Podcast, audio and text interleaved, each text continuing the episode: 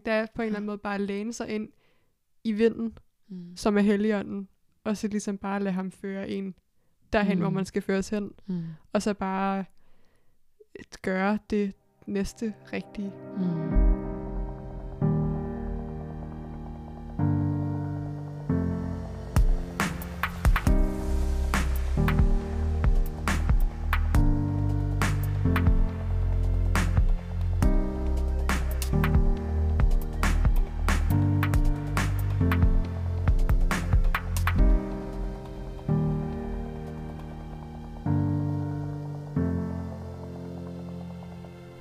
Hej Liv. Hej Louise. Hej. Hej. Så sidder vi her igen Ja, vi gør. med et nyt og spændende emne. Mm-hmm. Det skal handle om åndelig vækst. Hvilket jo et eller andet sted er noget, som har ligget os begge to ret meget på hjerte. Mm-hmm. Øh, og sådan, jeg kan i hvert fald mærke, at jeg går ind i det med både sådan en spændtheds, virkelig en glæde, og føler, at jeg har så meget at sige, samtidig med, at jeg synes, at der er sådan, jeg har meget ærefrygt. Øh, øh, vi skal tale en del om, ja, hvad er åndelig vækst, hvordan vi har oplevet det selv, øh, hvad Bibelen siger ind i det. Øh, og, og ja, tale en del om Helligånden. Og der er jo mange ting omkring Helligånden, som er virkelig, virkelig spændende. Øh, og jeg glæder mig virkelig meget. Men, men liv, Mm. åndelig vækst. Ja. Hvad er sådan det første, du kommer til at tænke på? Eller sådan, hvordan har du det med det her emne? Eller sådan, hvad er dit forhold til det her emne? Ja. Jeg, sidste afsnit snakkede vi om personlig vækst. Øhm, og, og der er jo en artikel i Citron-magasinet, som også handler om at skelne imellem de to ting. Og det tror jeg egentlig var ret godt set af dem. Øhm, fordi jeg godt selv kan falde i den fælde, at åndelig vækst bare bliver en eller anden anden form for selvudvikling eller ja, personlig vækst. Det er virkelig rigtigt. Og det bliver noget andet, jeg sådan kan slå mig selv i hovedet over, at jeg ikke ligesom gør godt nok, eller mm. Ikke er langt nok. Øh, og, og på en eller anden måde øh, giver jeg også mig selv for meget øh, ære og magt, når jeg tillader mig selv at tænke sådan, ikke? Mm. Fordi det er jo ikke, det er jo ikke mig, der Der skal der selv sørger udvikles. For, nej, eller, det er jo ikke mig, der sørger for, at jeg kommer til at ligne Jesus mere. Det kan jeg jo ikke gøre i min egen kraft. Og, øh, og det er jo så også der, Helligånden kommer ind i billedet, og det er derfor, at vi også virkelig gerne vil understrege, hvorfor det er vigtigt at i talsætte Helligånden og snakke om ham i forbindelse med åndelig vækst. Altså det er i hvert fald det, jeg tænker mm. om det. Fordi øh, hvis man ikke gør det, så øh, kommer meget hurtigt ned ad et spor, der handler om, at man mm, ja, skal gøre alt muligt. Hvor jeg i virkeligheden tror, at åndelig vækst udspringer af overgivelse. Ja. I langt, altså i meget højere grad, end det Ja. handler om at øh, ligesom pace sig selv. Ja. Ja. Og tak for i dag, så har I fået... Øh, virkelig rigtigt. Mm. Virkelig rigtigt. Øh, og overgivelse... Øh, jeg synes, det er så interessant, at du siger overgivelse, fordi det var faktisk præcis noget af det, jeg sad og tænkte på. Ja. Øhm, overgivelse i forhold til åndelig vækst. Øh, det der med at opleve, at det når jeg egentlig overgiver mig, eller gør mit hjerte villigt til at følge Gud, så er det som om, at lige pludselig bliver mulighederne skabt. Ja. Ja. Øh, det ved jeg ikke, om jeg er sådan lidt for spacey, men... Eller nej, det, det tror jeg Det ikke, tror jeg ikke, der. er. Nej. Jeg tror bare gerne, jeg vil have, at du skulle sige noget mere. Ja. Øhm, jeg har bare oplevet tit, at det er, når jeg har sagt, Gud, Fader, Helligånd, skab en mulighed for mig nu, hvor at jeg kan gøre det her. Er der en, jeg skal snakke med i bussen? Er der en, jeg skal snakke med i dag? Er der en, jeg skal gøre, være et eller andet overfor? Så lige pludselig så er mulighed, har muligheden været der, og jeg har, eller at jeg har måske bare set, at den mulighed har været der, og så har jeg taget den. Men det har ligesom været i bønden, i overgivelsen, at, at den, eller sådan, og, og det, har, det har på en eller anden, det, det har jo været noget af det, der har ført til åndelig vækst. Altså, Mm. øhm, Altså fordi, at, at de ting, du ligesom er blevet vejledt til at gøre, har resulteret i en, i en vækst. Ja, Ja. fordi jeg oplever øh, vejledningen mere konkret. Jeg Okay. oplever, at når jeg, når jeg overgiver mig, eller gør mit hjerte villigt, at så kommer der muligheder, hvor at jeg kan, eller, eller jeg ser muligheder, eller jeg tager imod vejledningen på en anden måde. Øh, sådan helt konkret i mit, i mit hverdagsliv. Ja, Jeg tror, det er fordi, jeg prøvede at forstå, hvor, øh, hvor i processen det er, du ser den åndelige vækst sker.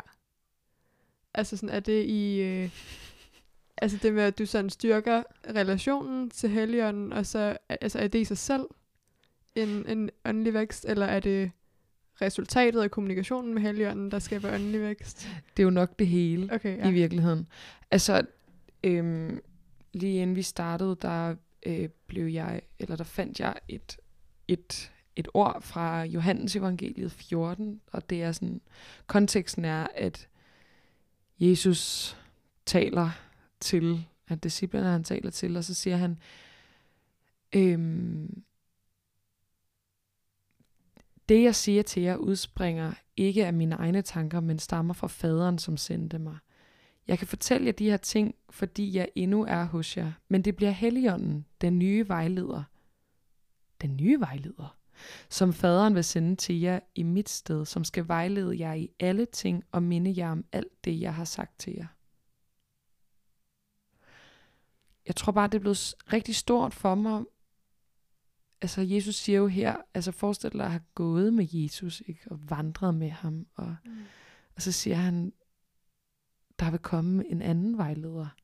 Fordi jeg, kom, jeg vil ikke komme til at være hos jer på samme måde fysisk, som, jeg, som han har været der indtil nu. Mm. Men der vil komme en anden i hans sted, som, som vil kunne vejlede i alle ting. Øhm, og det tror jeg bare, i, i den sådan, at altså det at kunne lytte til, til Guds stemme, til Helligånden, til vejlederen, som Jesus også beskriver som en, en vind, som er svær at, for, svær at forklare, men, men, men som er der, og som, som man på en eller anden led, jo større min forventning er blevet til, at Helligånden faktisk kan vejlede mig konkret, jo mere er det faktisk også sket. Hvis jeg ikke har haft en forventning om, at det var noget, som Gud kunne, så er det også som om, at så er det bare ikke rigtigt. så, så skete det bare ikke rigtigt på samme måde. Mm. Men i, mi- i min forventning og i min bøn til, at Gud måtte vejlede mig, at Helligånden måtte, måtte, måtte vejlede mig, der er, der, der er jeg blevet vejledt. Ja. Og der er sket, ja, åndelig vækst. Fordi at jeg oplever, og, og, og, og hvad betyder åndelig vækst? Altså jeg har tænkt det som at, at lære Guds stemme bedre at kende. At vokse i det. Ja. Det var mange og, ord. Og hvad vil du sige... Hvad, hvad mener du, når du siger Guds stemme? Det er et virkelig godt spørgsmål. Øhm, der står i Bibelen, jeg kan faktisk, lige nu kan jeg faktisk ikke huske, hvor det er, det står hen, men det der med, at ligesom at f- fårene kender deres hyrdestemme, ligesom skal vi kende vores, vores fars stemme. Mm. Øhm, det er enormt svært, det her emne, synes jeg også, for der er rigtig mange, der... Jeg har snakket med mange, der også oplever, at de, de ikke rigtig oplever at kunne høre Guds stemme, og jeg tror heller ikke, det er tit, at jeg har oplevet sådan en konkret stemme, nogle konkrete ord, jeg har kunnet høre i mit sind, som har været Louise, gå i netto, fordi der vil du finde en kvinde, som du skal snakke med, agtigt. Mm. Øh, men, men, men bare oplevede det som, Det kunne ellers være meget fedt, ikke? ja, det kunne være meget, og nogle gange tror jeg faktisk, det sker. Nogle gange Ja, tror ja. jeg faktisk, at det sker. Det tror jeg også. Og det tror jeg også, man skal have en forventning om, kan ske.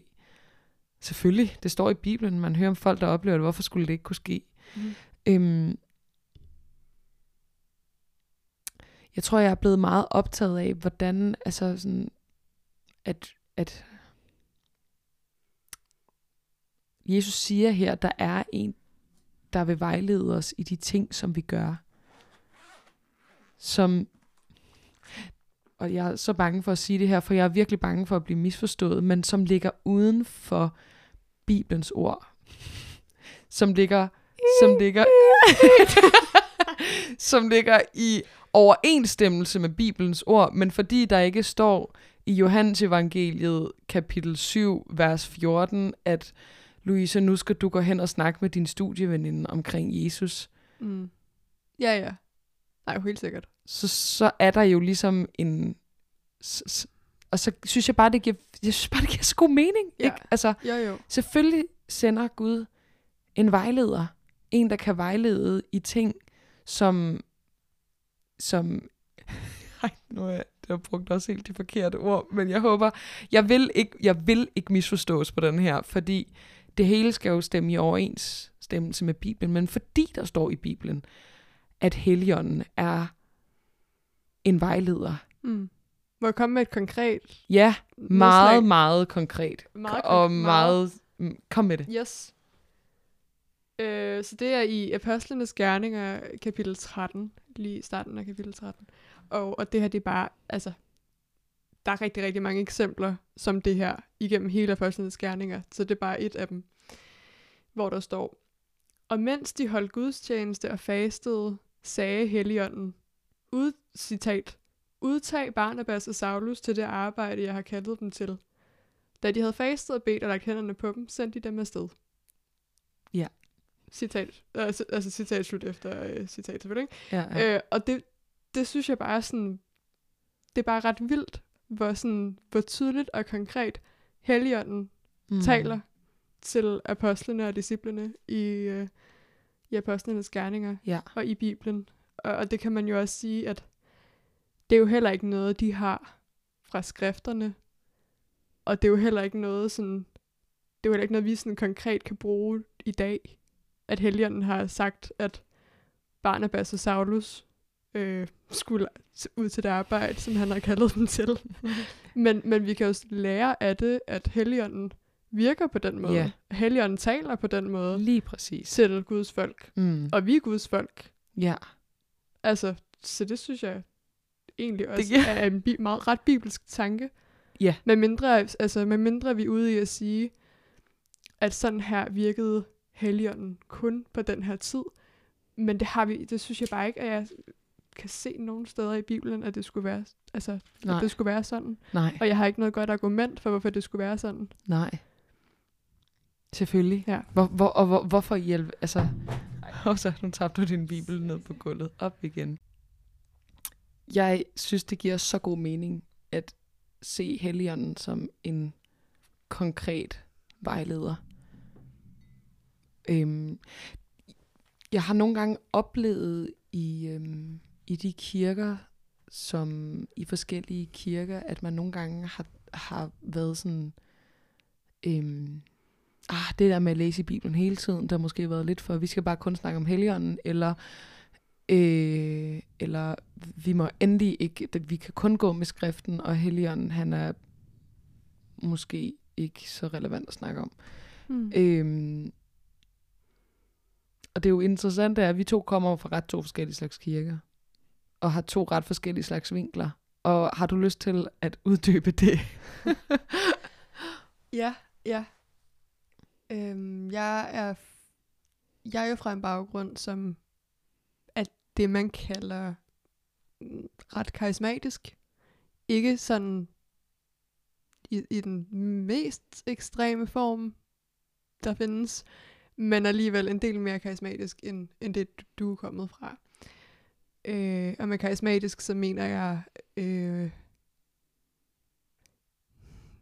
For eksempel, altså en større, mm, jeg tror, jeg tror man ville sige åbenhed over for det åndelige, selvom at, at det synes jeg også er forkert, en, en lidt forkert betegnelse, fordi jeg tror, der er en åndelighed i alle kirker, men en, en større, et større fokus på det overnaturlige og mirakuløse i det åndelige måske. Og en større fo- et større fokus på tungetale øhm, og, øh, og sådan at tale profetisk og helbredelser og øh, sådan drømme og syner og billeder og øh, ja, så man tænker af, af kommunikation fra Gud. Øh, eller sådan spontan lovsang, øh, hvor man også føler, at, at det kommer fra Gud. Øhm, ja, så, sådan, så det, at, det her med at se på Helligånden som en konkret vejleder, der spiller en meget aktiv rolle i troslivet, er det, at det jeg er vokset op med. Og det er det, der sådan... Det er ret svært for mig at forestille mig, hvordan det er at have, ikke have haft det. Mm. øhm, men når det så er sagt, så tror jeg også, at jeg... Øh, nej, når jeg siger, når det så er sagt, så er det fordi, jeg mener, at, at det tror jeg egentlig er godt. Altså jeg tror, det er godt at have set Helligånden som en konkret vejleder, som gør troen levende i dag. Øhm, men for mig var der mange af de ting også, som faktisk gjorde troen ret svær, fordi det blev så, det blev så konkret øh, udtrykt, hvordan det så ud at være tæt med Gud. Øh, at, og der det lagde øh, rigtig meget grundlag for sammenligning, øh, eller skabte grundlag for sammenligning i forhold til øh, i hvor høj grad man fik drømme fra Gud, eller øh, ord og billeder til hinanden, eller øh, ja.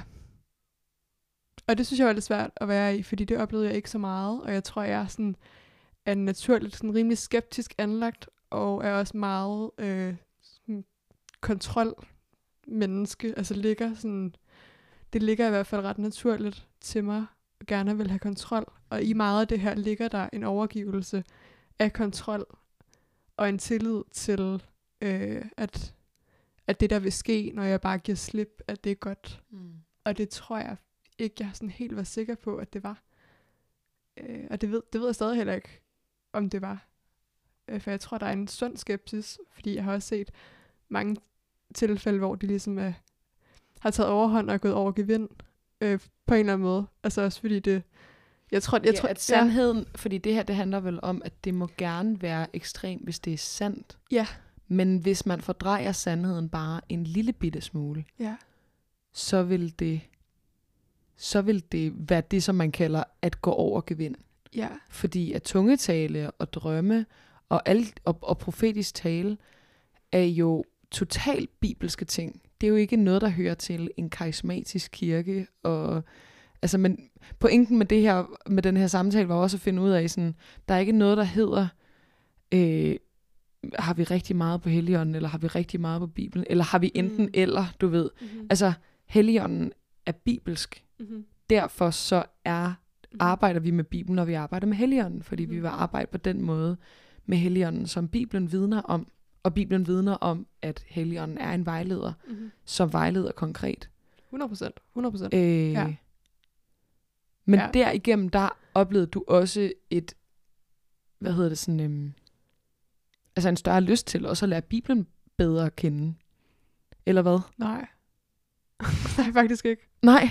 Nej, altså det... Øh, øh, nej, hvis jeg lige skal, lige skal sætte en krølle på os, det jeg snakkede om før, så tror jeg, at jeg, jeg, tror, jeg har bare lyst til at sige, at jeg også anerkender og ser den fare, der er i, at det åndelige på en eller anden måde kommer til at fylde for meget, fordi man kommer til at have fokus på øh, at få modtage kraft og magt fra Gud gennem Helligånden, og det på en eller anden måde bliver mig, der udøver min tro konkret i verden. Og det, og det tror jeg, der er en fald, altså det tror jeg, der er en fare ved, hvis den bliver twistet som du også siger, ikke? Og jeg tror, 100 procent, hvis den bliver twistet. hvis den bliver twistet, Ja. og jeg tror også, eller hvis det ligesom er det, der bliver det primære i, hvad det vil sige at være kristen, og hvad det vil sige, at jeg er frelst. Det, det tror jeg. Fordi så kommer det til at handle om mig, og hvad jeg kan gøre i verden, og det handler alt om Gud. Så det, det handler også om, hvilken, hvilket filter man det igennem. Og så, så mærkede jeg også, at der var noget svært i det her med, at man at der så hyppigt var ting, hvor man siger, at det er fra Gud. Fordi, og der var ikke rigtig noget at øh, sådan, at opveje det imod. Altså hvis man siger, nu har jeg fået det her profetiske billede til dig fra Gud, og så står jeg der som 12-årig og er sådan lidt, nå okay, så har Gud sagt, at jeg skal, øh, at jeg på et eller andet tidspunkt skal være missionær i Afrika. Og så får jeg ligesom lagt den profeti ned over mig, og jeg har ikke rigtig nogen sådan mulighed for at vide, om det var rigtigt, eller... Ja, det ved jeg ikke. Det, det kan jeg bare mærke, det, altså det kan jeg bare huske, at det synes jeg var sådan lidt, lidt usikkert eller utrygt, ikke sådan helt at kunne opveje det. Øhm, ja, så det er i hvert fald også en del af det. Mm. Og så tror jeg, jeg så spurgte om det gav mig lyst til at læse mere i Bibelen. Og det, jeg kunne i hvert fald mærke, at jeg havde, at jeg manglede noget, jeg manglede en eller anden form for fundament eller viden, jeg kunne opveje alle de her ting imod. Øh, altså en eller anden kilde, jeg kunne gå til og være sådan, øh, jeg mærker, at noget af det her er lidt off. Hvordan kan jeg finde ud af, om det er mig, der er for skeptisk, eller om det er øh, eller om der rent faktisk er noget, der måske er lidt off. Og hvad kan jeg så gøre ved det? Og jeg havde en idé om, at Bibelen havde noget at sige om det, men jeg anede simpelthen ikke, hvordan jeg nogensinde skulle begynde at forstå, hvad Bibelen Mm. havde at sige. Og det var ikke rigtig noget, man snakkede så meget om. Øhm, det er i hvert fald ikke noget, jeg sådan, det er i hvert fald ikke noget, jeg kan huske, var med til at forme min oplevelse, da jeg var i det. Øh, ja. Så det med Bibelen kom egentlig først øh, senere, sådan lidt ind fra en anden vinkel. Ja. Ja. Men hvordan har du det så med, altså fordi jeg tænker, at, hmm, hvordan har du det som, ej undskyld nu, klapper jeg lidt.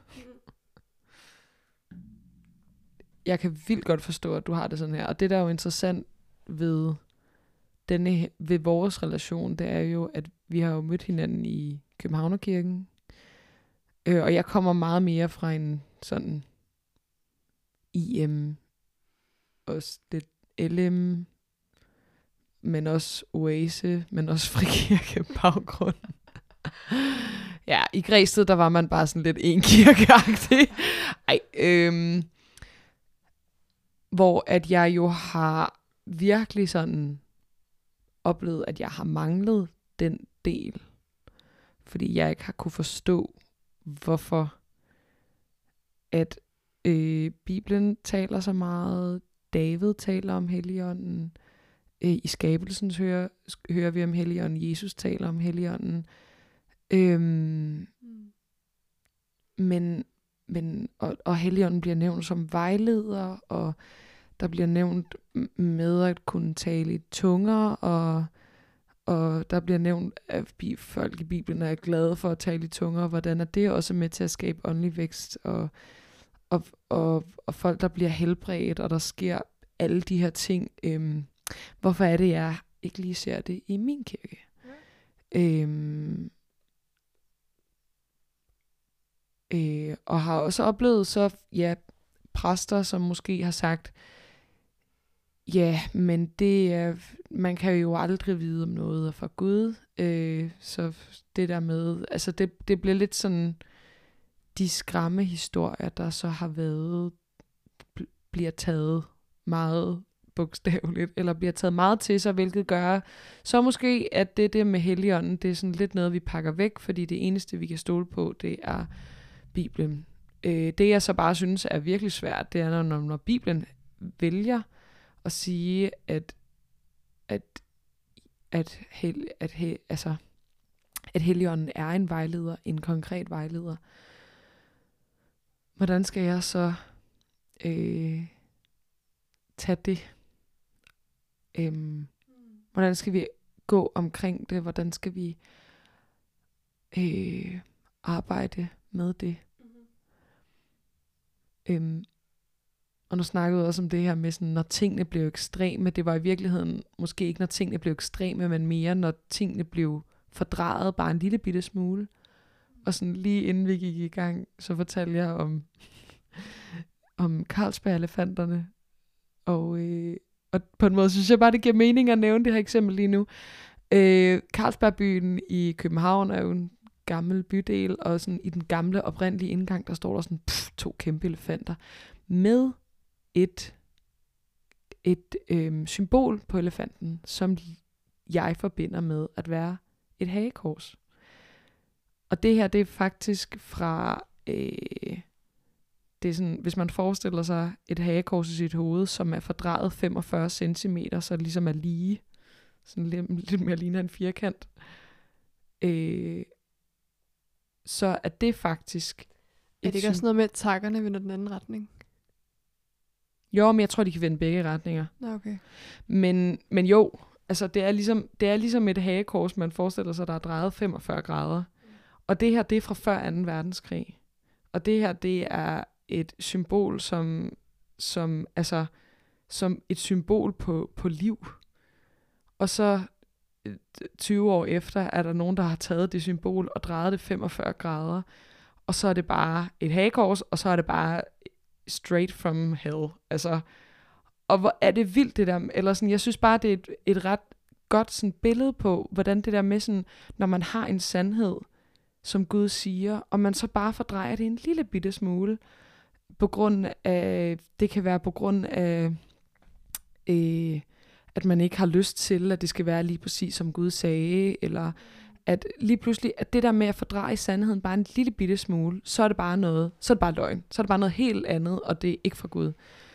Øh, så det er også, når du siger det der, så kan jeg bare ikke lade være med at tænke på det, det der med sådan, jamen selvfølgelig, når det bliver åndelighed, der ikke er fra Gud, fordi man har fordrejet sandheden. Man kan fordreje Guds sandhed, det kan man jo ikke.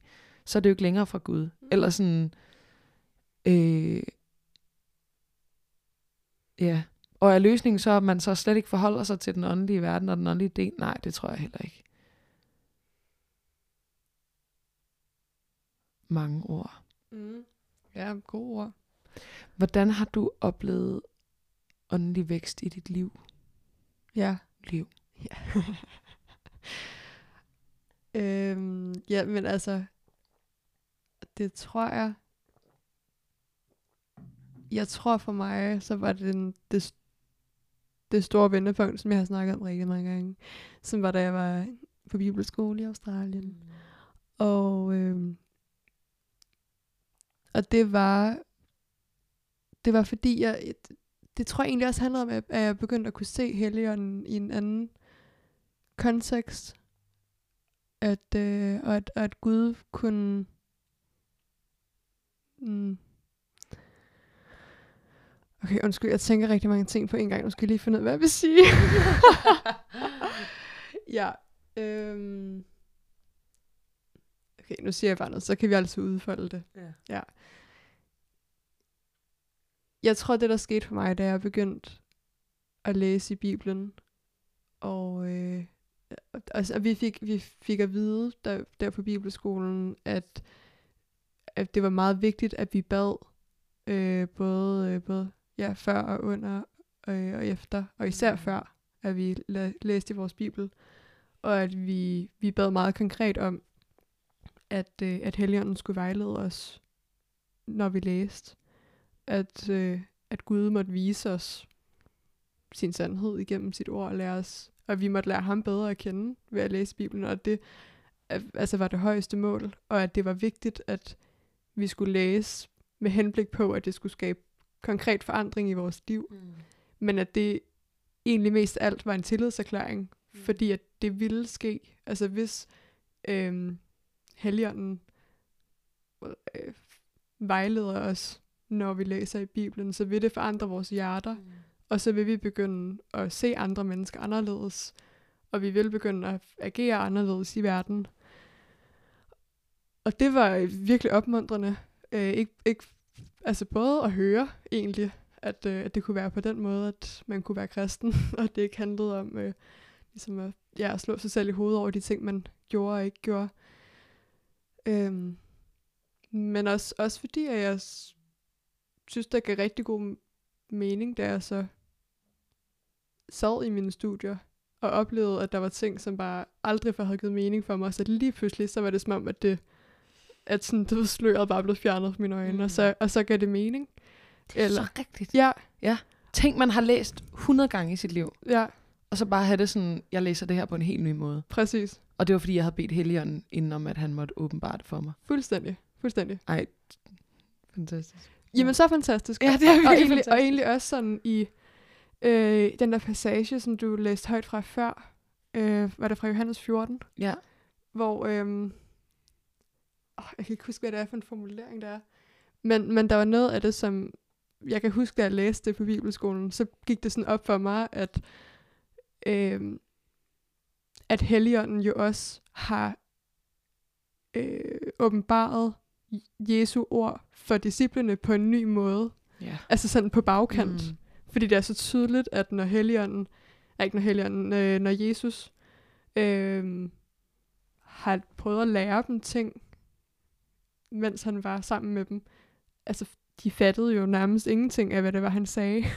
altså det gik i hvert fald meget langsomt, ikke? Øh, og så siger han jo her sådan, at øh, Helligånden vil komme og vejlede jer, og i også i de ord, som jeg har lært jer, eller Mm. sådan, der er i hvert fald et eller andet, der fik mig til at tænke det, som stod der. Øhm, og det er jo også tydeligt, at når de så sidder og skriver øhm, evangelierne og, og brevene for den sags skyld, men især evangelierne, så er der jo alle de her sådan, øh, og da Jesus sagde det her, så mente han egentlig det her, eller da han sagde det her, så snakkede han om det her. Mm. Og det tror jeg egentlig ikke er, fordi Jesus han har forklaret det altid, eller har været ude at sige, øh, da jeg lige sagde det her, der mente jeg det her. Jeg tror egentlig, han var sådan rimelig mystisk. Øh, og sådan, det oplever jeg i hvert fald selv, når jeg læser i Bibelen. Men at det var for, at, at de ligesom kunne have en, en personlig interaktion med hans ord senere hen igennem Helligånden. Og det synes jeg bare var, sådan, var virkelig smukt, og også meget, sådan, meget det, jeg oplevede, da jeg sad og læste min bibel, og det oplever jeg også stadig. Hvordan Øhm. oplever du det? Eller du... Jeg Jamen- synes bare, det er så interessant, du siger det der med... Ja. Altså B, B før, under, efter, det fik jeg også at vide en gang, og det ændrede helt mit forhold til, ja. hvordan jeg læste min Ja. Og, hvad, og hvad jeg fik ud af det. Og ikke, det, det er ikke, fordi det skal være sådan en how-to, men det ændrede bare. Kæmpe how-to. Ja. Ej, men ærligt. Det, Ja. okay, ja, det er rigtigt. Åh oh, ja, det er rigtigt. Ja, jeg ved ikke, hvorfor jeg sagde det. Men Det var, nogle gange skal det blive sådan lidt sådan, hvad kan jeg få ud af Gud-agtigt, Nå. ikke også? Men, men du, ja, Ja. ja, det ved jeg ikke. Men det, det, det er jo, jo, det er jo en kæmpe how-to at opleve Gud. Bare gør, som han siger. Altså, Mm, Brug helligånden som vejleder, ja, ikke? ja, ja. Ja, og så tror jeg, at, at, at det at lære Helligånden at, at kende som en, øh, altså en underviser mm. i virkeligheden, og en, sådan, en, en konkret vejleder, øhm, det... Nu, vil, jeg- nu vil jeg prøve at sætte det sammen i en sætning, men jeg prøver lidt øh, lige at finde ud af, hvad det er egentlig, egentlig jeg tænker. Øhm, det er fordi, du spurgte ind til det her med åndelig vækst. Og hvordan at jeg op, har oplevet åndelig vækst. Det var dit oprindelige spørgsmål. Yes. Og, øhm, og det, det, der skete, da jeg sad og læste Bibelen, det var også, at jeg begyndte at forstå Helligånden på en ny måde. Jeg begyndte at forstå, hvad Helligåndens rolle egentlig også var. Øh, at det ikke kun handler om alle de her meget øh, konkrete ting, som jeg, som på en eller anden måde kan være en Gud, øh, Guds magtdemonstration igennem mig. Og det var egentlig aldrig noget, jeg sådan følte var særlig sådan tiltrækkende. Øh, det er ikke for at sige, at det, at det er forkert, og det er heller ikke øh, for, at, altså for at sige, at man ikke må finde det tiltrækkende. Men sådan personligt var det ikke rigtig noget, der tiltalte mig så meget at søge.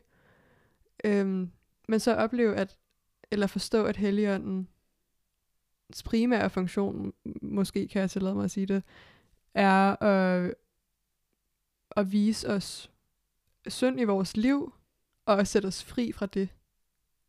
Og jeg ved godt, det er også, altså, selvfølgelig er det Jesu og opstandelse, der sætter os fri fra synd, og hele træenigheden arbejder sammen i det, men at Helligånden lever i at, ligesom at forny os i det hver dag. Øhm. Ja, og det, og det blev bare helt vildt stort for mig, fordi jeg tænkte, åh, oh, det er jo det, jeg har brug for.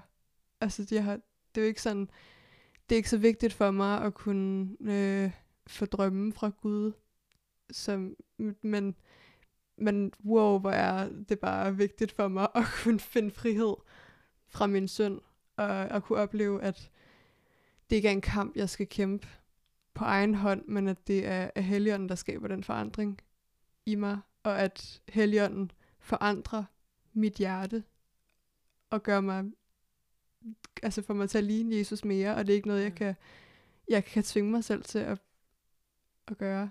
Øh, men jeg skal bare overgive det til ham. Ja. Det giver, det giver så god mening. Ja.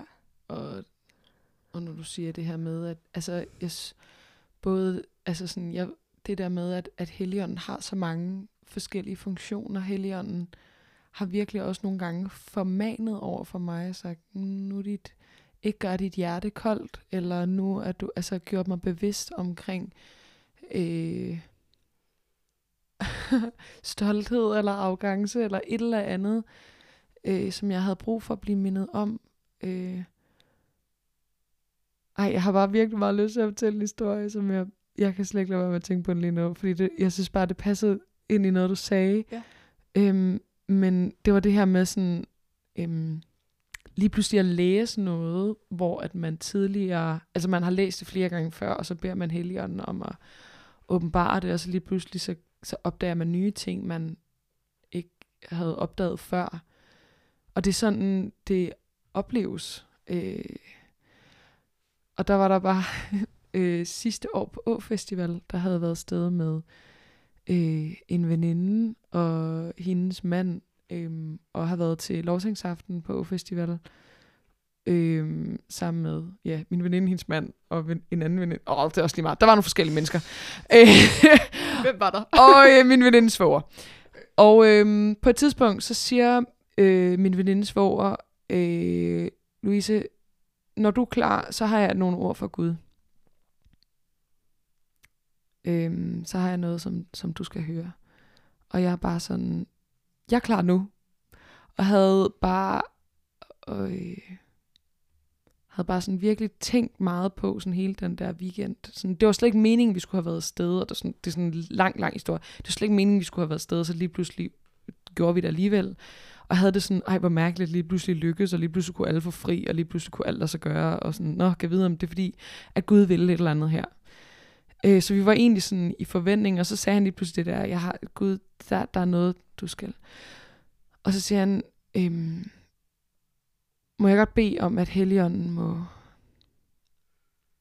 at du må blive fyldt af Helligånden. Blive, ja. Så han beder han for mig. Øhm, og det er sådan under lovsangsaften. Øh, og der åbner mine øjne igen og synger videre, der synger vi det der vers, øh, jeg kan ikke huske, og støvet straks som her mig band, bliver klar som diamant. Den sang der. Og hele sangen igennem, der kan jeg bare huske, at jeg tænkte sådan, den her har jeg sunget hele mit liv. Jeg har aldrig fattet den. Jeg har ikke forstået den før nu. Og den der sidste sætning, og støvet straks som her mig bandt, bliver klar som diamant. Jeg har aldrig fattet, at støvet straks synden, der binder mig, som holder mig fast, lige pludselig bliver klar som diamant. Lige pludselig var det som om, det der slør fra mine øjne blev taget væk. Lige pludselig forstod jeg det bare. Og det var ingen tvivl om, at det, der gjorde forskellen, var Helligånden. Og så kan man sige, øhm, og jeg synes også bare, det er så vildt, når man hører om det der med, Altså sådan, og, og på en måde synes jeg også, eller ja, jeg synes også, det bare det er så tydeligt, når man hører om, om Jesus, der formaner nærmest allermest over for øh, præsterne, ikke? Eller sådan, han formaner aller, allermest over for dem, der læser Bibelen og beder offentligt allermest. det er faktisk dem, der nærmest forstår det mindst. Øhm, jeg blev bare mindet om vigtigheden af at bruge Helligånden som underviser, som en, der gjorde det levende i mit bryst. Og den vandring var, var bare så vild. Ja. Det forår der var bare så vildt. Altså, og, og jeg er så glad for at blive mindet om det nu i den her samtale, fordi det var så Ja. vildt, at Helligånden bare kunne åbenbare og gøre ting Mm. store, og lige pludselig gjorde, at man forstod ting, som man ikke havde forstået før, fordi at sløret lige pludselig forsvandt fra ens øjne. Mm. Altså, ved du, var det første gang, du lidt oplevede det? Jeg havde oplevet det, der var sket noget sådan i månederne op til, faktisk. Der havde jeg øh, oplevet, øh, det starter egentlig nogle måneder inden, det tror jeg også, jeg har fortalt Ja, om i et ja, andet ja, afsnit, ja. Med, med, med en sangskrive-workshop, hvor at jeg får øh, nogle ord fra to forskellige. Øhm, hvilket jeg også havde tænkt på i forhold til det, du sagde, det der med, hvordan kan vi vide, at noget er fra Gud. Mm. Øhm, lige inden det her sker, der har jeg faktisk overhørt en samtale ved frokosten af en, der fortæller om, når Gud vil fortælle os noget, så kan han godt bekræfte det. Og Gud bekræftede det igennem to mennesker. At han ikke bare siger, at du skal tage til Afrika. nu. Nå, det må være fra Gud. Hej hej. Mm. Men at Gud godt kan bekræfte ting. Mm. Og det er en af måderne, vi ligesom ved det også, som du lige læste op det der med, ikke også, at Helligånden siger, hvad var det, Paulus og Barnabas. Barnabas, ja. Mm. Og så beder de og faster over det. Og så gør de det. Jeg tror faktisk allerede, de var i faste og bøn, Ja, da de fik det at vide. Men- Men ja, ja, ærligt. ja, men bare det med, at, og det er jo også en af måderne, vi kan finde ud af, om, hvornår er noget fra Gud, og hvornår er noget ikke fra Gud. Ja. Er det noget, der bliver bekræftet? Og det, det, det jeg fik at vide dengang, det var noget, der blev bekræftet gennem to mennesker. Og som Mm. jeg har oplevet lige siden, har været, altså, det er det, jeg har oplevet lige siden da. Nu er det lidt over et år siden, ikke? Mm-hmm. Ja. Og, og, og så at have det sådan helt sådan eye-opening, sådan, ej, hvor er det Gud, og Gud var lige konkret der. Og så bare have det sådan, men jeg kan stadig lære nye ting, jeg kan stadig blive blæst bag over, hvor lidt jeg ved. Og sådan, jo mere jeg, jo mere jeg sådan læser og forstår af Bibelen, jo mere bliver jeg også sådan, wow, der er så meget, jeg ikke ved. Eller sådan, mm. ja, hvis det giver mening. Det giver så meget mening. Ja. Hvordan var din oplevelse egentlig af at være troende sådan op til det? Øh, Før det? Det er et virkelig godt spørgsmål. Jeg tror, at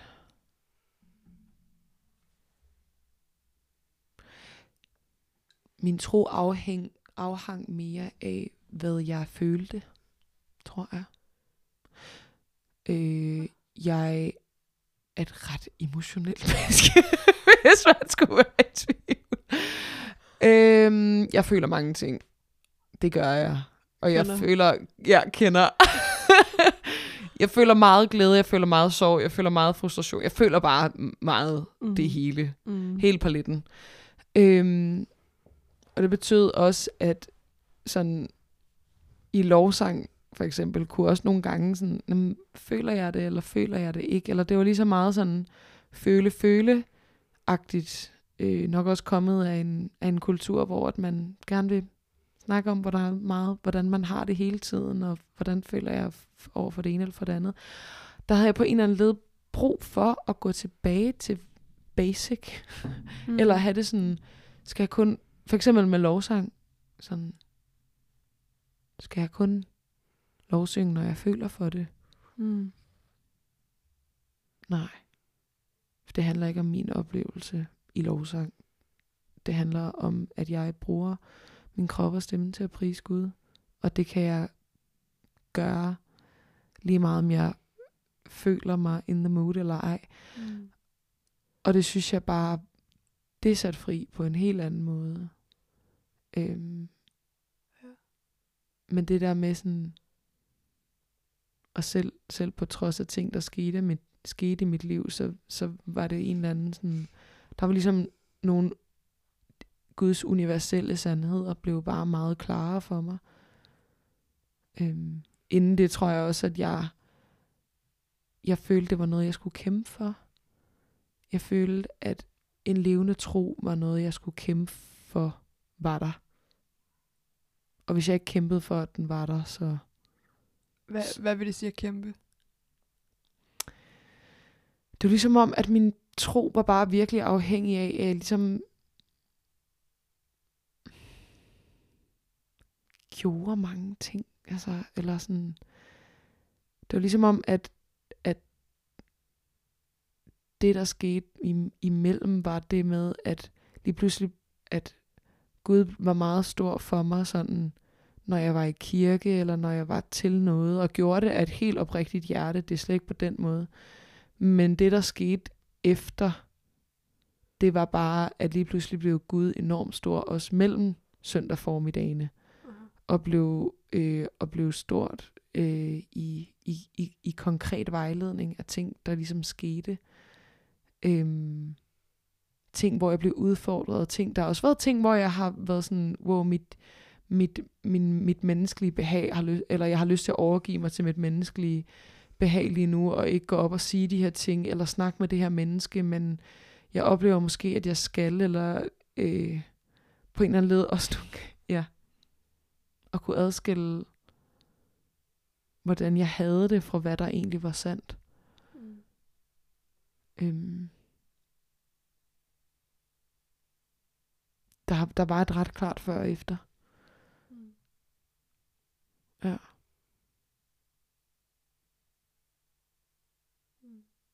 Hvordan har, har, du, har du oplevet sådan et før og efter i dit trosliv? Jamen, det har jeg jo lige snakket om. Nå ja, det er rigtigt. Ja. Ja. Bibelskolen. Men det er jo ret sjovt, at det, altså,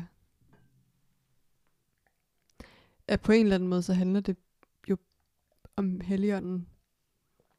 Begge dele. Ja.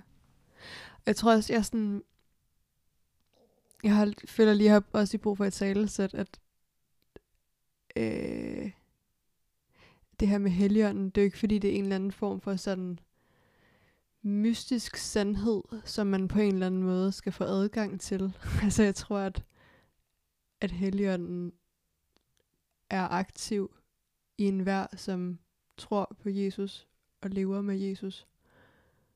Øhm, jeg, men jeg tror, at også det, vi så snakker om nu, det handler jo også om på en eller anden måde at skabe en sprog, et sprog for det.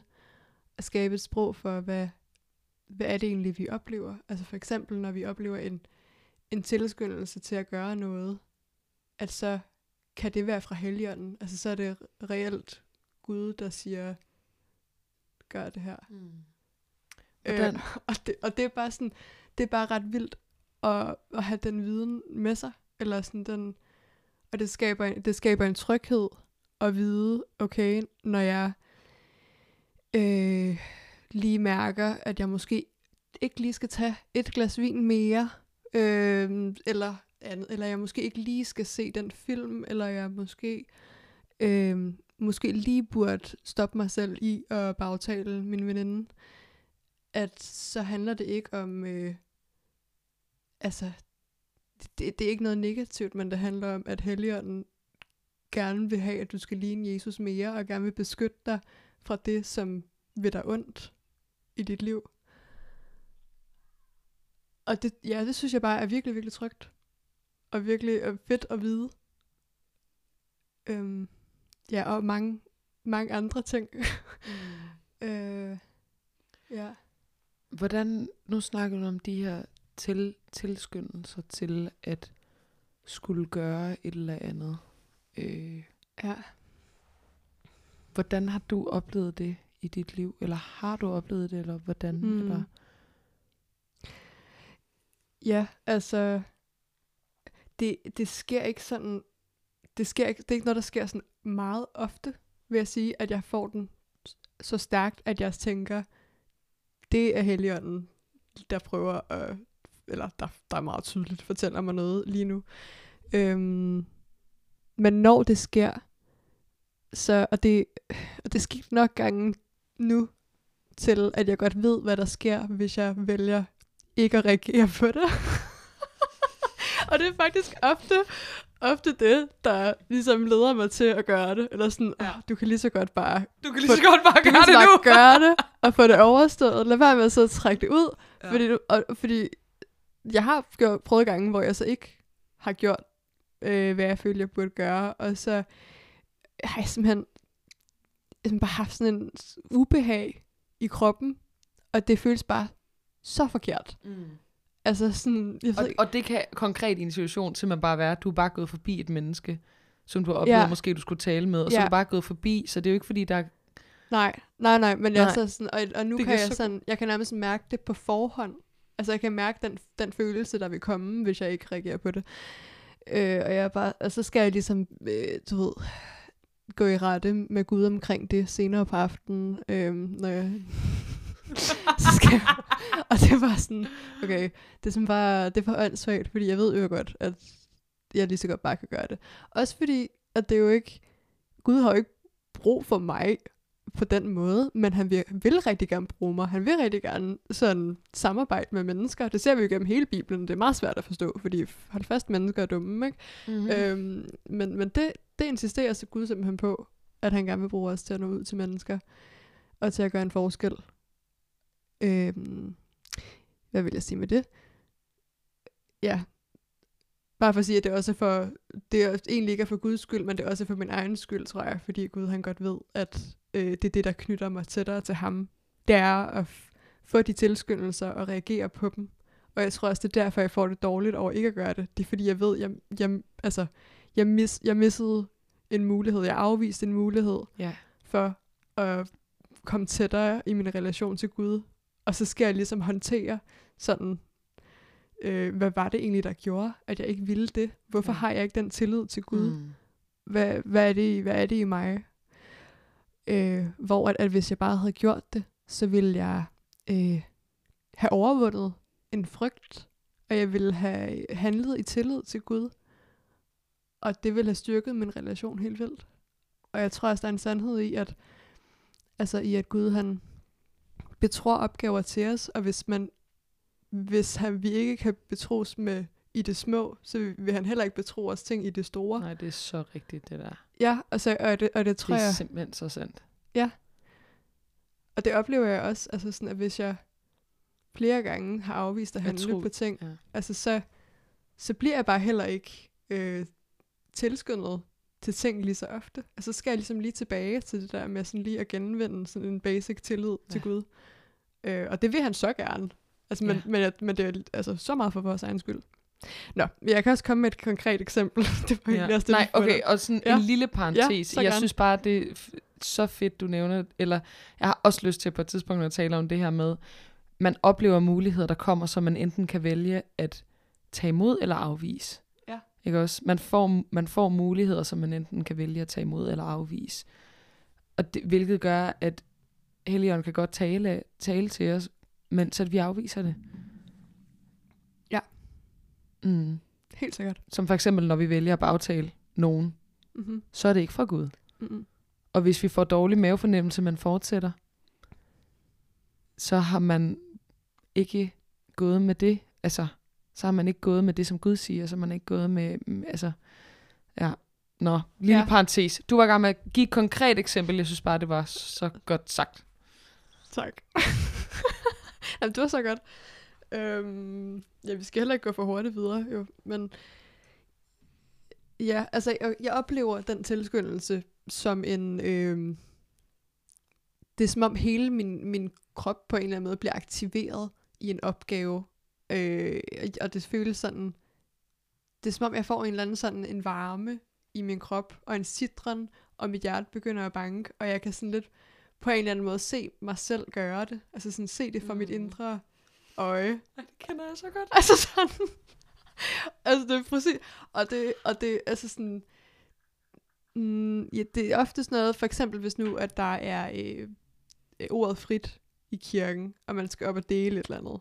og jeg, bare, jeg, jeg har en eller anden fø- meget, meget stærk følelse af, at jeg skal dele det her, og det er virkelig dårligt, hvis jeg ikke får det delt. Mm. Så jeg kan lige så godt bare gøre det. Og jeg ved, at Helligånden er med mig i det nu. Øh, så det skal nok, han skal nok kunne bruge det til et eller andet, uanset hvor, hvor menneskelig jeg er i det. Ikke? Øhm, ja, men jeg har også oplevet det i en, i en anden, lidt anden situation, øh, hvor jeg, jeg sad i bussen på vej hjem fra, øh, fra noget øh, i kirken, og øh, jeg havde sådan en det var ret sent, og jeg var, ja, det var ret sent, og jeg var ret træt, og jeg sad og lyttede til podcast med øh, noise cancelling, og havde ligesom sad lidt inde i mit eget rum. Og så får jeg så øje på den her dame, som sidder, øh, altså sådan, hun sidder ikke over for mig, hun sidder sådan nogle sæderækker, sådan, vi sidder ikke rigtig så tæt på hinanden, men jeg kan ligesom se hende i mit synsfelt. Og, øh, og hun er, øh, hun er fra Grønland, kan jeg se, og hun er øh, altså, nok også hjemløs, kan jeg godt regne ud på det hele. Og har øh, og der står, der er en sådan en kontrollør, som så øh, er, står og er i gang med at give hende en bøde. og jeg er bare sådan, og jeg kan bare mærke, at, jeg, at det er noget, jeg skal reagere på. Ikke fordi jeg skal bryde ind i den interaktion mellem hende og kontrolløren, fordi han gør jo også bare sit arbejde og så videre. Øhm, men jeg kan mærke, at, at jeg skal gå derhen, og jeg sidder der og tænker, ej, men det er også bare, det passer heller ikke så godt lige nu, og jeg er super træt, og hvad kan jeg gøre, og hvad skal det lede til? Øh, ja, men jeg kommer ligesom frem til, at øh, det, det eneste rigtige at gøre, er bare at reagere på det, fordi jeg kan simpelthen ikke overskue at skulle hjem og ligesom, ja, ligge søvnløs over ikke at have gjort det.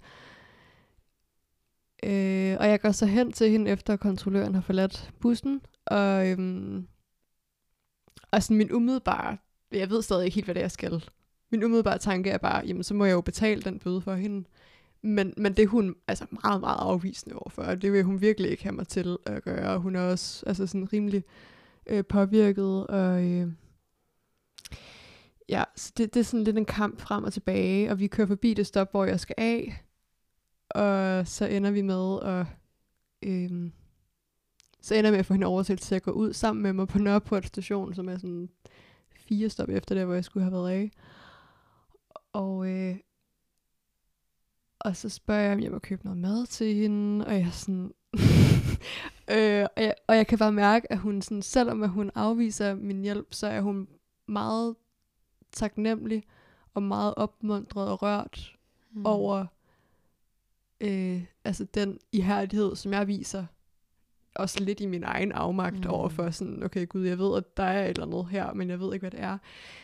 Øhm, og, øh, og vi går så over og sætter os sådan ud foran 7-Eleven ved Nørreport station, og øh, hun vil ikke have noget mad, men og så ender jeg med at købe nogle smøger til hende, fordi det er ligesom det eneste, hun gerne vil have, og så tænker jeg, okay, fint nok. Øhm, og så sidder vi og snakker, og jeg spørger hende om, øh, altså, hun snakker om noget med sine øjne, og sådan, hun har tydeligvis problemer med sine øjne. Hun snakker om, at hun har øh, ikke rigtig kan se, når det er lyst, og hun kan kun ved om aftenen og om natten, fordi at øh, det gør så ondt i hendes øjne, når der kommer lys. Øh, og jeg kan sådan, hun sidder sådan med sådan helt øh, sådan, øh, sammenpressede øjne, nærmest sammen, sammenknibende øjne, og har sådan blanke, lidt røde øjne, og det er, sådan, det er tydeligt, det, at den er gal, ikke? Øhm, ja, og så spørger jeg, om hun, øh, om hun tror på Gud, og det ved, altså, det får jeg ikke rigtig noget klart svar på. Og så fortæller jeg så om, at jeg, at jeg tror på Jesus, og at jeg tror på, at han kan helbrede, og så spørger jeg, om jeg må bede for hende, og hun er meget sådan, ja, ja, ja, ja, og sådan helt Ja, sådan, ja. og jeg er sådan, okay, vildt nok, altså, super. Øhm, og så, øh, selv spørger jeg, om jeg må lægge min, altså min hånd over hendes øjne, mens jeg beder, det må jeg gerne. Og, øh, og så beder jeg for hende, og, og så når jeg sådan har bedt færdig og tager min hånd til mig, så, øh, så sidder hun bare, hun sidder bare stadig med lukkede øjne. Jeg kan se, hun sådan har tårer ned ad kinderne, og, og så begynder hun selv at bede, og begynder at bede, og, og siger bare, øh, Jesus, jeg har brug for dig.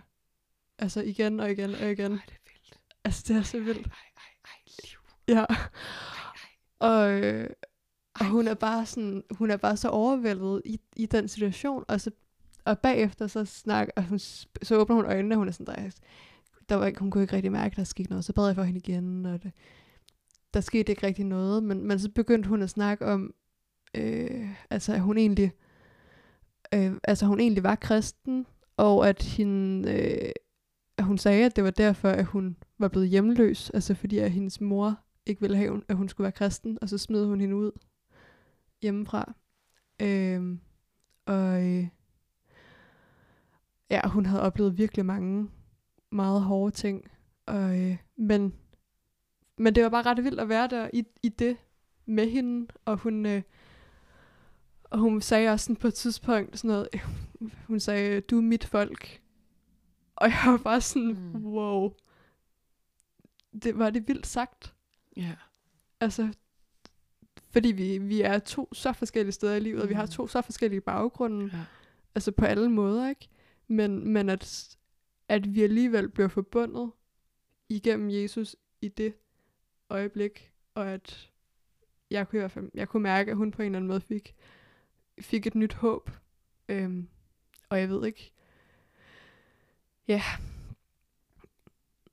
ja, og jeg vil, øh, vi aftalte også at mødes på et andet tidspunkt, men så dukkede hun ikke op.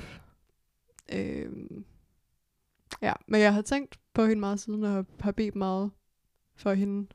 Selvom at det også var sådan lidt uforløst, og jeg sådan blev meget vred på Gud efterfølgende, fordi han ikke helbredte hendes øjne. For jeg var sådan, hvor er du retfærdigt? Altså sådan, nu mm. har du ligesom sat det hele op, og, øh, altså sådan, og hun snakkede om, at hun ikke kunne læse i sin bibel, fordi det gør så ondt i hendes øjne, og jeg var bare sådan, ej, hun prøver, og, hun, altså sådan, og så er det bare sådan en lille ting, som jeg ved, du godt kan fikse, altså sådan, Ja, hvorfor, ja. hvorfor ikke, altså, ja, øh, så det, det var lige sådan en, også lige en side af det, men, ja. men altså, alt i alt, bare, øh, bare en sådan ret, ret vild oplevelse, som, øh, som jeg jo ikke ville have haft, hvis jeg bare havde taget hjem den aften. Hvor er det vildt. Og på en eller anden led, så er det også, den oplevelse er jo ikke, den oplevelse er ikke til for din, for din sådan, ej fedt, så havde jeg den oplevelse. Det er jo Ej, også, det er jo, det er jo netop, det er jo netop også fordi, at, altså pointen er mere, du går i lydighed, end at nu skal jeg have en eller anden god oplevelse. Men det, at du gik i lydighed, gav bare en, altså det at kunne være vidne til Guds arbejde Mm-hmm. igennem dig, det synes jeg er så vildt Ja. ja. stærkt. Og også meget blandet oplevelse, ikke? Fordi jeg sådan kommer også til at bare vid, altså bevidne en hel masse ting, der bare var virkelig, virkelig hårde. Mm. Og bare ske i hendes liv, og ting, jeg synes var så uretfærdige, og havde meget svært at forstå, hvad, ja, hvor Gud lige var i det. Øh. Så det var jo, det, det lidt egentlig bare til en sådan større grad af, øh, jeg ved ikke, det, det gjorde i hvert fald, at jeg havde brug for at stole endnu mere på Gud, nærmest. Mm. Fordi, det var ikke fordi, at det hele bare løste sig af, at jeg havde den interaktion med hende. Altså hverken, hverken for mig eller for hende. Og det var sådan lidt, det kunne godt være sådan lidt nedslående, men jeg tror, at det var, at det også er godt, bare at skulle stole på, Men at, bare- at, at, det, at, at det er Guds arbejde. Øh, det er ikke min opgave at skulle, øh, ja, træde ind og gøre det hele, men at det, at jeg ligesom har hende med i mine bønder nu, og at jeg stoler på, at, at Gud arbejder i hendes liv, øh, også uafhængigt af, af det, jeg var en del af. Mm. Øh, og det giver også mig rigtig meget i min tro til Gud. Det er klart. Ja. Men det giver nok hende endnu mere. Og det er jo ikke til at sige, altså nogle gange, når man går i lydighed, så er det jo også et eller andet sted, så er det jo ikke altid pointen er at at kunne se, eller nødvendigvis afkode frugten af det, man gør vel. Altså, er det så, hvis jeg så er blevet spurgt, om jeg vil gå hen, at bede for et menneske, øh, oplever, at jeg skal det, og det menneske siger nej tak. Og så tænker man, nå, men så var det nok ikke... Jo, det kan godt være. Det kan godt være, at det bare det menneske først husker 10 år efter, når der var en, der havde lyst til at bede for mig. Måske skulle jeg få en til at bede for mig. Mm. Men pointen er, at du gik i lydighed. Det synes jeg er mega stærkt. Jeg har en, eller sådan, jeg havde, havde på et tidspunkt også en, det var faktisk også en grønlandsk kvinde, som jeg, eller sådan, som jeg bare sådan, jeg boede i Nordvest på det tidspunkt, og hun, hun sad uden foran Rema, næsten hver gang jeg var ude at handle, så sad hun på bænken ude foran Rema. Øhm, og der var sådan en eller anden dag, og jeg tror faktisk, det er første gang, jeg, jeg sådan rigtig snakker med hende. Jeg har sådan ligesom gået forbi hende mange gange. Så er der en eller anden dag, hvor at jeg bare har sådan ubeskriveligt travlt. Altså bare sådan, jeg mangler at aflevere en opgave, jeg skal have lavet. Jeg er mega stresset over en eller anden eksamen, som jeg ikke gad at forholde mig til. Og skulle ordne alle mulige ting. Og så ligger der sådan, der ligger sådan en, en 100 kroner som seddel foran mig, eller 150 eller et eller andet. Ligger der foran mig. Og, og på en eller anden led, så har jeg det sådan, Lyse, du skal lige gå hen og handle ind. Mm. Så jeg bare sådan, og bare har det sådan, alt logik siger mig, at jeg har masser af mad i mit køleskab, og jeg har overhovedet ikke tid til at skulle gå ud og gøre noget som helst for nogen andre mennesker end mig selv lige nu. Jeg skal bare have ordnet de her 20 ting på min to-do-liste, inden jeg kan få fred i mit hjerte. Og jeg kan bare slet ikke lade være med at tænke på det. Og så, sidst så beder jeg over det, så er jeg sådan, okay Gud, skal jeg seriøst efterlade det kaos, der er nu i min lejlighed, for at gå ud og gøre noget, jeg ikke helt ved, hvad er. Og så, øhm, jeg, kan bare ikke, jeg kan bare ikke helt slippe det. Og så tror jeg bare, jeg beslutter mig for sådan lidt at teste det. Og lidt at se sådan, er det, at skal, skal jeg det? Mm. går jeg i Rema. Og så ser jeg jo hende her, den grønlandske kvinde, på vejen. Og stopper op, snakker med hende, spørger om, har jeg noget, jeg skal købe? Og hun siger, smøger. Ja. Smøger og øl. Går ind og køber, og køber noget mad og et eller andet. Øhm, og så øh, har jeg købt en masse ting for den her seddel. Og sådan har jeg ikke lige tænkt over præcis, hvad det er, jeg ligesom har brugt. Men det viser sig så, at der er lige, jeg har lige brugt for 2-3 kroner for meget eller et eller andet. Og så hende kassedame siger, jamen ved du hvad, det betyder ikke noget, det betaler jeg bare. Åh. Og sådan, what? Hvor har man nogensinde hørt en kassedame i København, der har sagt det? Ej, Og sådan vildt. aldrig. Og jeg havde det bare sådan, ej, hvor er det mærkeligt, at det lige præcis, altså sådan, jeg har bare, ja, kommet ud med den der pose, sidder med hende der kvinde. Og så tror jeg egentlig, jeg har det sådan, now I done my job. ej, det er ikke sådan, nu har jeg også gjort det godt. Sådan, nu har jeg, du ved, sådan, og så lige pludselig, så bliver hun sådan, kan du lige følge mig hjem? Og så har det bare sådan, jeg skal bare hjem til mine ting nu og sådan følger hende, og hun siger, nej, jeg bor lige herhenne, okay. Og så er det så lidt længere væk, end bare lige herhenne. Og ender med at være sammen med hende, i faktisk i en time, halvanden, eller et eller andet, midt i den der sådan meget kaotiske dag. Og grund til, at jeg nævner det, er bare sådan, fordi at jeg bare havde det netop også den der, jeg kan ikke forklare det, men det var Mhm. bare sådan en, det er det her, du skal lige nu. Det giver ikke nogen mening, fordi du har tusind andre ting. Og det var sjovt nok, da jeg så kom hjem, så lige pludselig løst alt. Så der var et eller andet, der blev udsat, og jeg nåede jo alt det, jeg skulle. Og jeg nåede det vigtigste, og det var at gå med, hvad Gud sagde. Ja. Men, men selv da jeg prøvede at gå med det, blev jeg konfronteret med, åh, oh, det passer dårligt. Ej, nu har jeg også gjort det halvt. Øh, du ved, sådan, skal jeg virkelig også gøre det? Eller sådan, mm. det orker jeg faktisk ikke. Mm-hmm. Og det var, der blev jeg virkelig, kunne jeg også mærke en formaning i det. På en eller anden led, sådan, ja, du skal, Louise. Ja, Mm-hmm. du, du skal også, og lidt, altså sådan, der er ikke noget, der hedder, ja, nu har jeg vist også gjort det godt, så kan jeg vist bare læne mig tilbage og modtage fra nu af. Men altså sådan, men ja, og jeg synes også, det giver så god mening, også når Jesus fortæller det, Helligånden, som, eller sådan, eller sådan forklarer Helligånden som en vind, som man kan mærke. Det bliver du nødt til at uddybe, hvorfor det giver mening at sige nu. fordi at det var ikke noget, som jeg hørte som nogle konkrete ord. Det var ikke noget, som jeg hørte som, Louise, nu skal du gå hen til den Aha. Grønlandske kvinde og bruge 102 kroner mm. i. Rema, og så skal du følge hende hjem. Mm-hmm. øhm, Ej, okay, det giver mening. Nu, jeg ser det nu. ja, Men ja, fortsæt. at det ligesom var en... Noget, jeg bare oplevede, at jeg skulle reagere på. Ja. Og Det- det, det havde været nemmere at lade være. det er jo altså faktisk lidt ligesom, at man, øh, at hvis der er, ah. okay, jeg kan ikke finde det perfekte billede, men i forhold til, jeg kommer bare til at tænke på, at vind jo også er sådan en, en kraft, hvor at man enten kan kæmpe imod den, altså hvis der er altså imodvind, mm. eller at man på en eller anden måde bare kan give op, og så bare lade sig føre af vinden. Det er virkelig rigtigt. Ja, ikke også? Jo.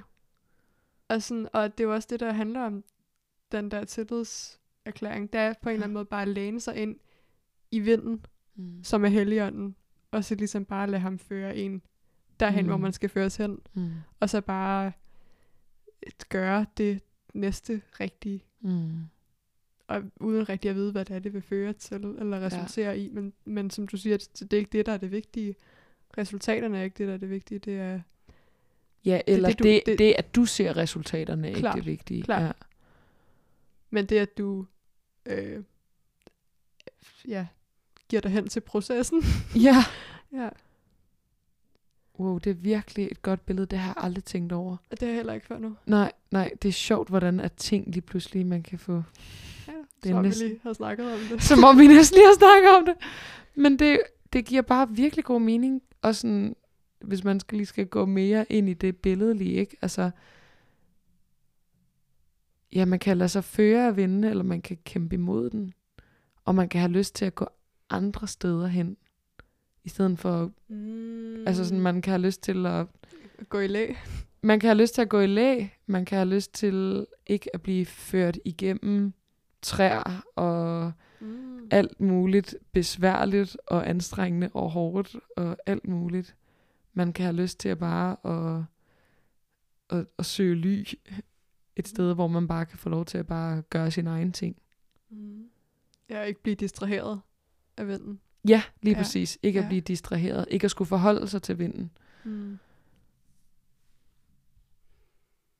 Wow. Men stopper vinden nogensinde? Nej. Den er der stadig. Og selvom man søger lys, så kan man stadig gå ud i den igen. Ja. Ej, det var virkelig godt billede, Liv. Det blev lige helt sådan... Yes. Stort. Jamen altså, tak, Okay. tak Helligånd. Ja, tak Helion! Tak Helion for det billede. Det er virkelig et godt... ja. Eller Jesus, det var da ham, der startede. Mm, Med det er så rigtigt. Jesus uh, featuring Holy Spirit. Ja. Åh, oh, mander. Det synes jeg anden måde var en meget god afrunding. Ja, virkelig meget. Ikke for at sige, at vi skal stoppe nu, men sådan, det kan jo godt være en meget god uh, del 1 i hvert fald.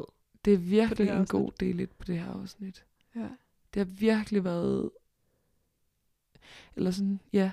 Helligånden som, som underviser, som jeg kan også bare mærke, at man, man bliver bare også undervist her, ikke? Man, man Mhm. lærer ting, man opdager ting, og oplever nye sider af Gud, ser nye sider af Gud, og det er Ja.